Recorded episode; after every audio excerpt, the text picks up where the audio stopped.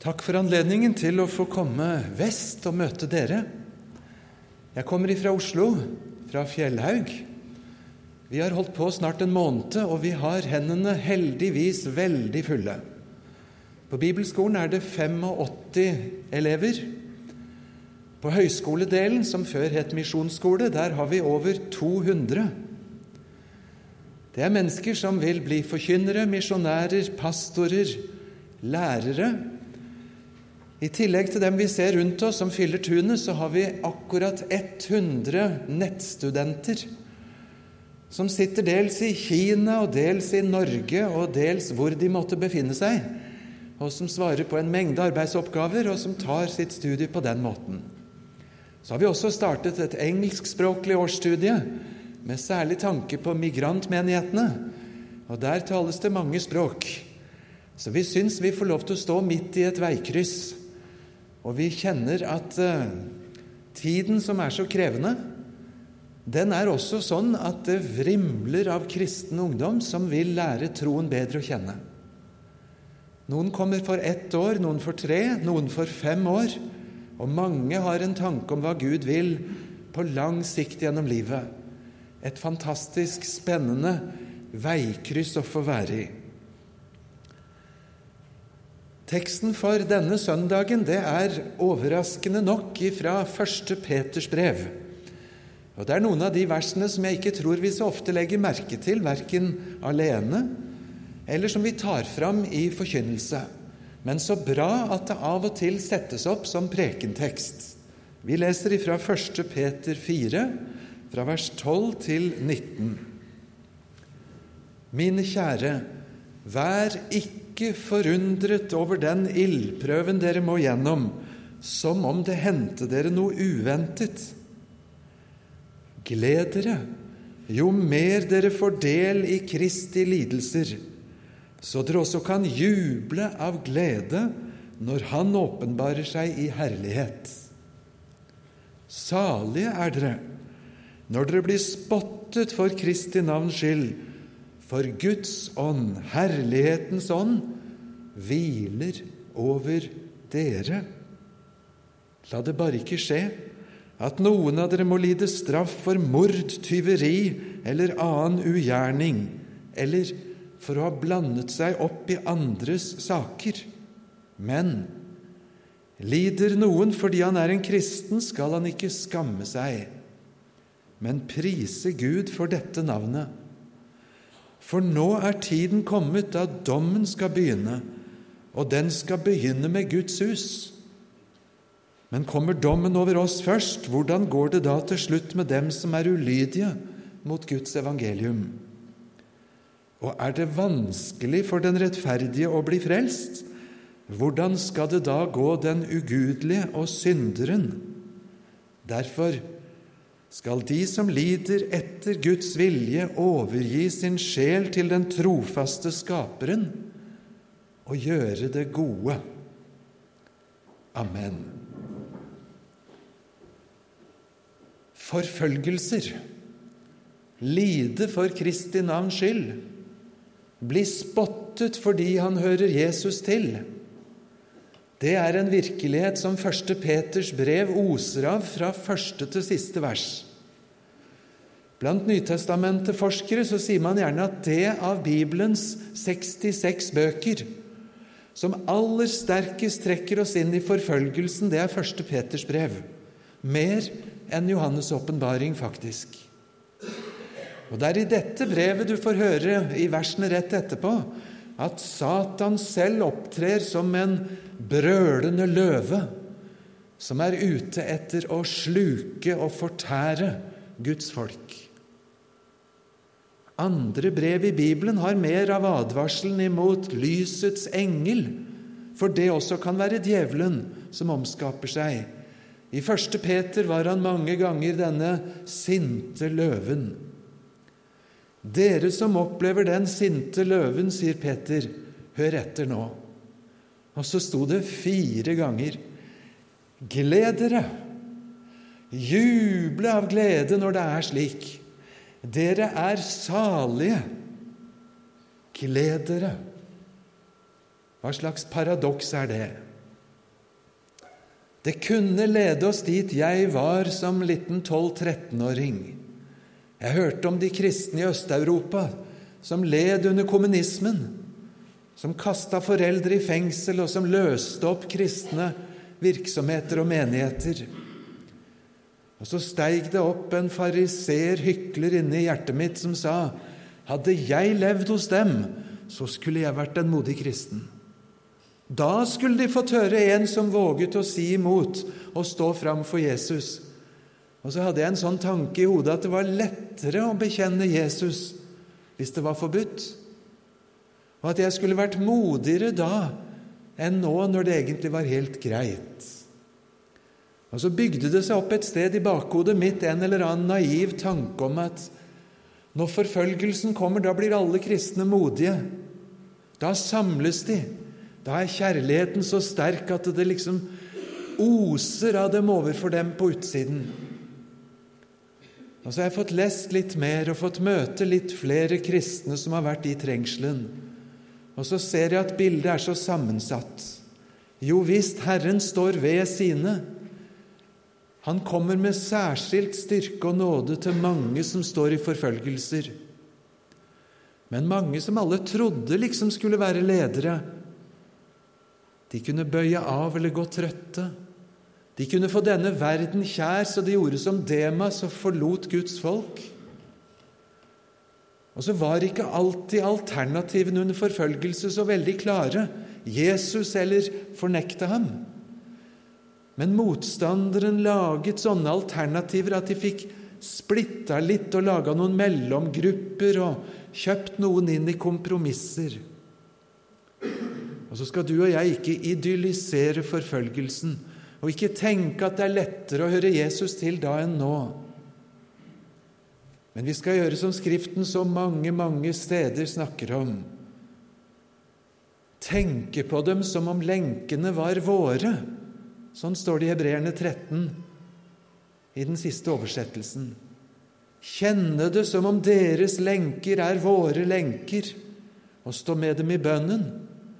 Og kanskje også bruke mulighetene til å synliggjøre for all verden at slik skal det ikke være på vår klode. For dypest sett så er det mer å si om kristenforfølgelser enn det Amnesty International kan få med. Ære være dem for alt godt arbeid. Men bakenfor det hele så er det en brølende løve som kan kle seg til en lysets engel, som ikke tåler kristenmanns blod og ved siden av alt av menneskerettigheter så er det en kamp i himmelrommet mellom den allmektige og Satan selv. Og så ser kanskje ikke vi det, men teksten ser det og sier Derfor skal du glede deg når du lider for hans skyld. Du er salig. Og så gjør Bibelen noe veldig uvanlig. Den henter opp noe så stort som en Messias-profeti fra profeten Jesaja. Herrens ånd skal hvile over ham, står det i Jesaja 11. Og det handler om Jesus, det leser vi i Nyttestamentet. Men plutselig her så står det Når du blir spottet for Kristi navns skyld, salig er da du, for Herrens ånd hviler over deg. Det er så fantastisk et uttrykk. På bedehuset så snakker vi av og til om at vi ber om et åndens vårvær. Og jeg skjønner den fine nøden og trangen og ønsket i det. Men skal jeg være helt ærlig, så ber jeg om mer enn at det skal være et vårvær som varer 20 minutter før neste regnbyge. Hørte du teksten? Herrens ånd hviler over deg. Herren tar bolig, Herren slår seg ned. Gud, du er oss en evig bolig. Her nede er evige armer. Ja, for en bolig er den eldgamle Gud, og her nede hviler han over sitt folk, og et særlig løfte over den som blir forfulgt. Men så er Peter ganske snar med en liten parentes og sier:" Men se til at ingen av dere lider for mord eller tyveri eller annen ugjerning, eller fordi han blander seg opp i saker som ikke er hans. Ja, det hører vi. Det hender at også Guds folk må lide, men da lider de helt berettiget for sin egen dumskap eller for sin synd. For dobbelt spill eller for svik. Ja, det er alvor. La det bare ikke få skje, sier Guds ord. Og ikke dikt om som om enhver lidelse skulle være fordi du er et Guds barn. Har du ærlig og redelig brutt loven, så skal du stå til ansvar for den. Men Paulus skriver et sted for deres skyld spottes Guds navn blant hedningene. Vi er Kristi brev, kjent og lest av alle mennesker. Det er som om Gud selv formaner gjennom oss, og så kjenner vi hvor feil det blir hvis jeg lider for min egen synd. Og så er det ikke godt nok at jeg fikk den fartsboten fordi jeg var på vei til et kristelig møte og skulle forkynne Guds, bod, Guds ord.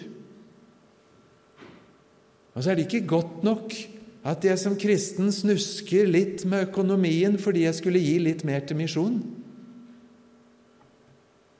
La det ikke skje at noen av dere lider, ure, lider straff for mord, tyveri eller annen misgjerning og så står det et pussig tillegg eller fordi han lander seg opp i andre saker. Jeg snakket med min gamle mor, hun er 99, for et par år siden om det der og spurte hvordan hun leste første Timotius, hvor det står så mange advarsler til dere gamle damer om ikke å sladre. Da blei hun ikke i beit, for hun lar seg ikke lett målbinde. Jeg unnskylder det ikke, sa hun. Men det kommer en tid da det skjer så lite i våre egne liv at vi må kikke litt på de andre.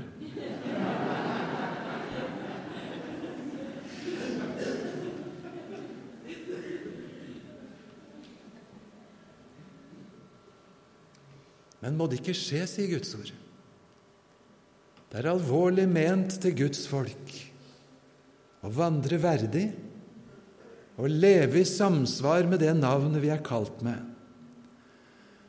Og Så tar teksten oss med til noen av de alvorligste ordene jeg kan finne i hele Bibelen, for hør hva vi leste.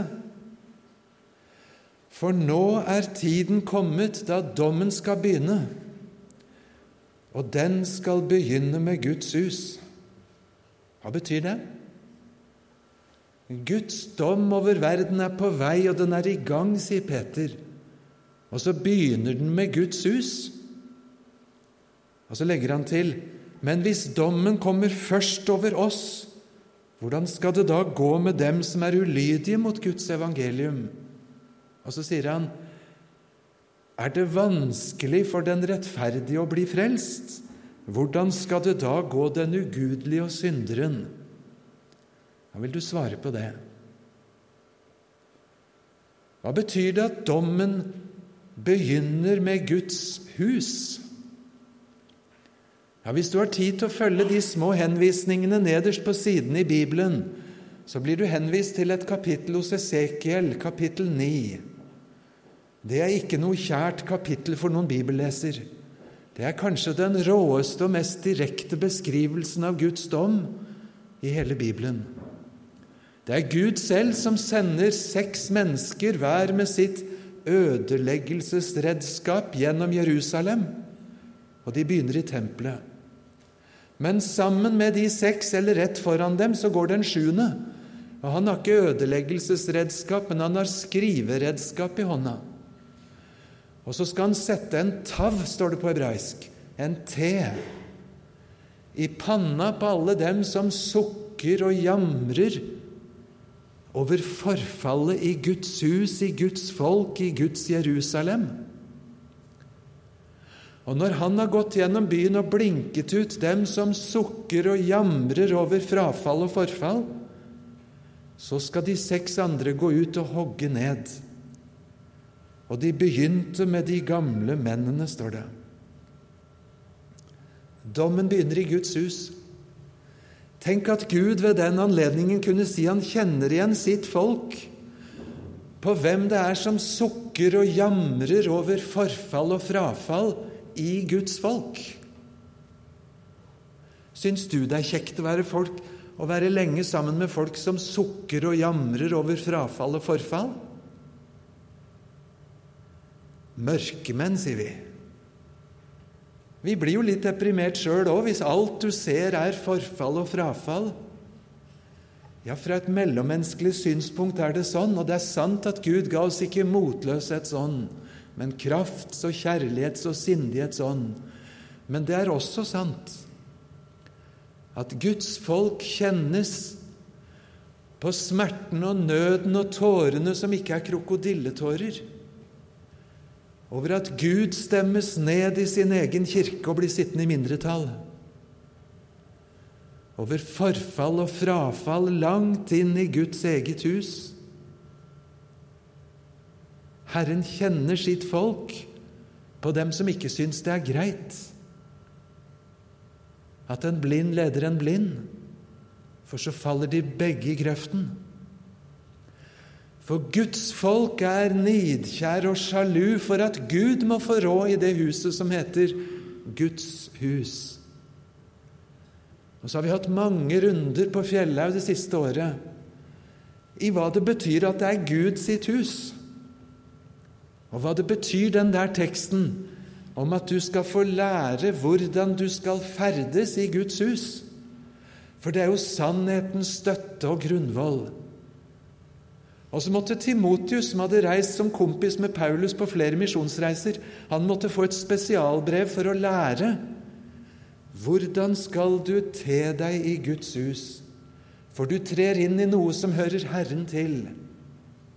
Og så sier teksten når dommen begynner med Guds hus, hvordan skal det da gå den ugudelige? Og når det er slik at den rettferdige vanskelig skal bli frelst, hvordan går det da den ugudelige? Jeg tror det må være det eneste stedet det står rett ut i Bibelen at det er vanskelig å bli frelst. Er ikke du og jeg mer vant med å si at det er lett, det er enkelt? Du bare tar imot, og det er sant. Ikke engang en dåre skal fare vill. Og du har åpenbart til Gud ikke for de vise og forstandige, men for de andre. Og så er det likevel sant, som det står, at det er vanskelig å bli frelst. På det personlige plan så kjenner vi en kamp. Hadde vi hatt tid til å være ærlige én og én og snakka med hverandre, er det lett å være en kristen, eller er det vanskelig? Kommer jeg til å nå fram, eller roter jeg meg bort? Tror jeg vi hadde blitt enige om at det er mange steder og veier som er vanskelige. Ja, men når det er slik, sier første Peter, hvordan skal det da gå den ugudelige? Tenk litt på det. Det er tekstens poeng. Tenk på det i forhold til at du sutrer og syns du har det vanskelig som en kristen fordi du må lide for Han. Slutt å sutre. Gled deg og juble. Du er salig når du lider for Hans navns skyld. Men ikke minst slutt å sutre på egne vegne om at det er vanskelig, når du tenker på det alvoret at de ugudelige skal gå evig fortapt. Du må heller krype på kne til himmelen enn å bli båret på gullstol rett i fortapelsen. Er det synd på Guds folk for et øyeblikks motstand? Skulle vi ikke heller gjøre som Moses, som heller ville lide ondt sammen med Guds folk enn å ha en kortvarig nytelse av synden? Men er dette vår virkelighet? Hvor mye har du og jeg lidd for Jesu navns skyld siste 14 dager? Eller kanskje vi skal gjøre som meteorologene og si siste 30 døgn? Skal vi skrive ned all den forsmedelse vi har måttet oppleve fordi vi hørte Jesus til? Ikke sikker på om det ville imponert våre søstre og brødre i Saudi-Arabia eller Nord-Korea eller andre steder. Vi driver ikke og veier, og vi har ikke noe kretsmesterskap i hvem det er mest synd på, men tekstens budskap. Hvis Herrens ånd hviler over deg, så er du salig. Midt i nød og endetid, midt i kamp og vanskeligheter for å bli bevart i troen, midt i anfektelsen som ser ut til å gå over bølgene for deg. Det er ikke synd på deg. Se frem, Se imot målet. Hva har du i Jesus, du som er tilgitt dine synder? Du som har fått Den hellige ånd som hviler over deg og i deg. Du har fått rett til å be til Han, og du har fått utlevert PIN-koden. Be i mitt navn, sier Jesus. Du som har løfte om en evighet hos Han. Hold ut den kamp som måtte være, og gjør felles sak med dem som lider. Og ha du Jesu ømme frelseskinn for slektens sorg og harm. Dem som er på vei mot en fortapelse, som kjemper med så mange ting, men som er på vei mot en evighet. De som er ulydige mot Guds evangelium, som det sto i teksten. Teksten setter et sånt uhøflig skille mellom folk. Den deler oss mellom Guds folk og de andre. Og den løfter lille deg og meg som har lært Jesus å kjenne til frelse, så høyt. Så høyt at herlighetens ånd hviler over deg. Og så runder Peter akkurat denne delen av teksten av med følgende to korte linjer. Derfor skal de som lider etter Guds vilje, overgi sin sjel til den trofaste Skaperen og gjøre det gode. Da Jesus utåndet, så sa han, Far, i dine hender overgir jeg min ånd. Når du legger deg i kveld, skal du få si likeså. Finere kveldsbønn fins ikke. I dine hender overgir jeg min ånd. Vekker du meg til en ny dag i morgen, Jesus, og la meg få gå fredsbud ifra deg. Og våkner jeg ikke mer i seng her på jorden, så la det være mine siste ord. Jeg overgir min ånd i din allmektige hånd. I Skaperens hånd, som det står her. Og så legger de til den trofaste Skaper så skal vi juble midt i trengsel, for herlighetens ånd hviler over dere.